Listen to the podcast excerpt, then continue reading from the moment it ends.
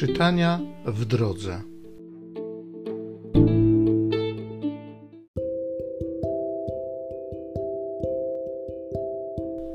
Z księgi Nehemiasza.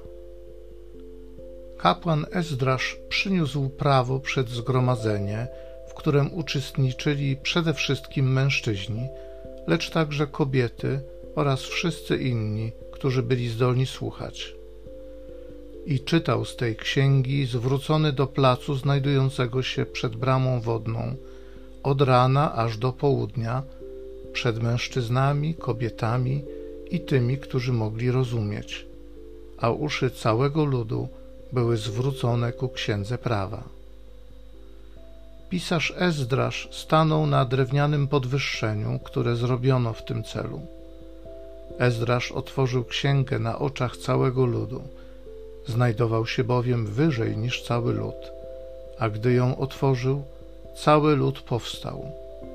I Ezdrasz błogosławił Pana, wielkiego Boga, a cały lud, podniósłszy ręce, odpowiedział Amen, Amen. Potem oddali pokłon i padli przed Panem na kolana, twarzą ku ziemi.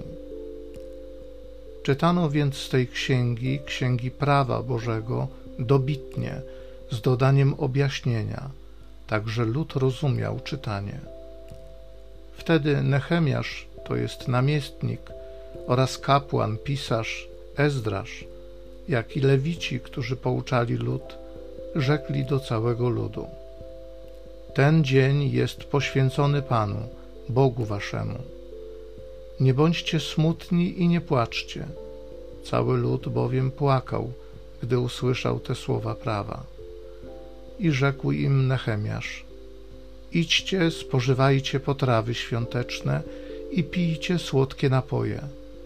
Poślijcie też porcję temu, który nic gotowego nie ma, albowiem poświęcony jest ten dzień Bogu naszemu.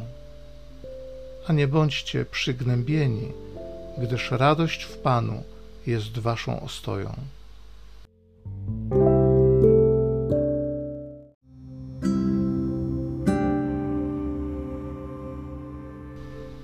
Psalmu 19.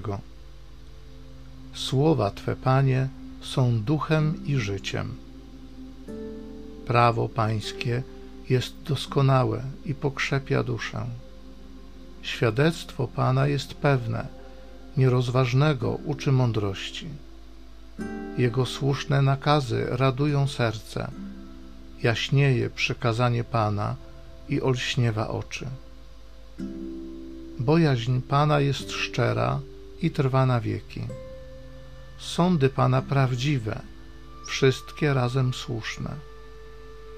Niech znajdą uznanie przed Tobą słowa ust moich i myśli mego serca. Panie moja opoko i mój Zbawicielu. Słowa Twe, Panie, są duchem i życiem.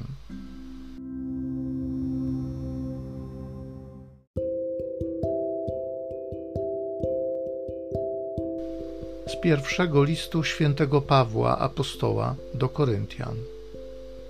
Bracia, podobnie jak jedno jest ciało, choć składa się z wielu członków, a wszystkie członki ciała, mimo iż są liczne, stanowią jedno ciało, tak też jest i z Chrystusem. Wszyscy bowiem w jednym duchu zostaliśmy ochrzczeni, aby stanowić jedno ciało czy to Żydzi, czy Grecy, czy to niewolnicy, czy wolni. Wszyscy też zostaliśmy napojeni jednym duchem. Ciało bowiem to nie jeden członek, lecz liczne członki. Jeśli by noga powiedziała, ponieważ nie jestem ręką, nie należę do ciała, czy wskutek tego rzeczywiście nie należy do ciała? Lub jeśli by ucho powiedziało, ponieważ nie jestem okiem, nie należę do ciała. Czyż nie należałoby do ciała? Gdyby całe ciało było wzrokiem, gdzież byłby słuch? Lub gdyby całe było słuchem, gdzież byłoby powonienie? Lecz Bóg, tak jak chciał, stworzył różne członki, rozmieszczając każdy z nich w ciele. Gdyby całość była jednym członkiem, gdzież byłoby ciało? Tymczasem są wprawdzie liczne członki, ale jedno ciało. Nie może więc oko powiedzieć ręce: Nie jesteś mi potrzebna, albo głowa nogom: Nie potrzebuję was. Raczej nawet niezbędne bywają dla ciała te członki, które uchodzą za słabsze, a te, które uważamy za małogodne szacunku, tym większym obdarzamy poszanowaniem. Tak przeto szczególnie się troszczymy o przyzwoitość wstydliwych członków ciała, gdyż wobec tych, które nie należą do wstydliwych, nie istnieje taka potrzeba. Lecz Bóg tak ukształtował nasze ciało, że zyskały więcej szacunku członki z natury mało godne czci, by nie powstało rozdwojenie w ciele, lecz żeby poszczególne członki troszczyły się o siebie nawzajem. Tak więc, gdy cierpi jeden członek, współcierpią wszystkie inne członki. Podobnie, gdy jednemu członkowi okazywane jest poszanowanie, współradują się wszystkie członki. Wy przeto jesteście ciałem Chrystusa i poszczególnymi Jego członkami. I tak ustanowił Bóg w Kościele naprzód apostołów, po wtóre proroków, po trzecie nauczycieli, a następnie tych, co mają moc czynienia cudów, potem tych, którzy uzdrawiają, którzy wspierają pomocą, którzy rządzą, którzy przemawiają rozmaitymi językami. Czyż wszyscy są apostołami? Czy wszyscy prorokują? Czy wszyscy są nauczycielami? Czy wszyscy mają moc czynienia cudów? Czy wszyscy posiadają łaskę uzdrawiania? Czy wszyscy mówią językami? Czy wszyscy potrafią je tłumaczyć?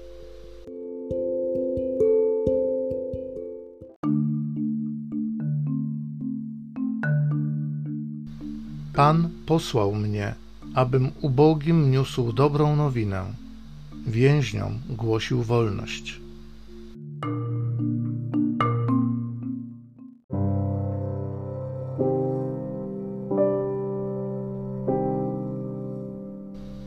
Z Ewangelii według świętego Łukasza.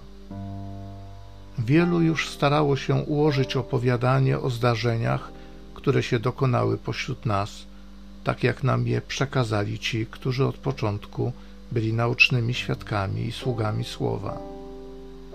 Postanowiłem więc i ja zbadać dokładnie wszystko od pierwszych chwil i opisać ci po kolei, dostojny Teofilu, abyś się mógł przekonać o całkowitej pewności nauk, których ci udzielono.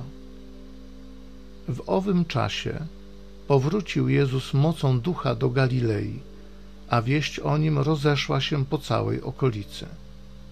On zaś nauczał ich w synagogach, wysławiany przez wszystkich. Przyszedł również do Nazaretu, gdzie się wychował. W dzień szabatu udał się swoim zwyczajem do synagogi i powstał, aby czytać. Podano mu księgę proroka Izajasza.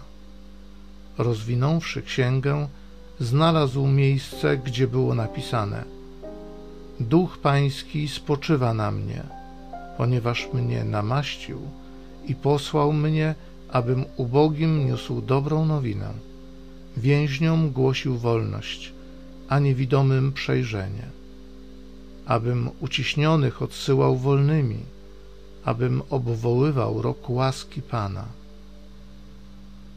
Zwinąwszy księgę, oddał słudze i usiadł, a oczy wszystkich w synagodze były w niego utkwione.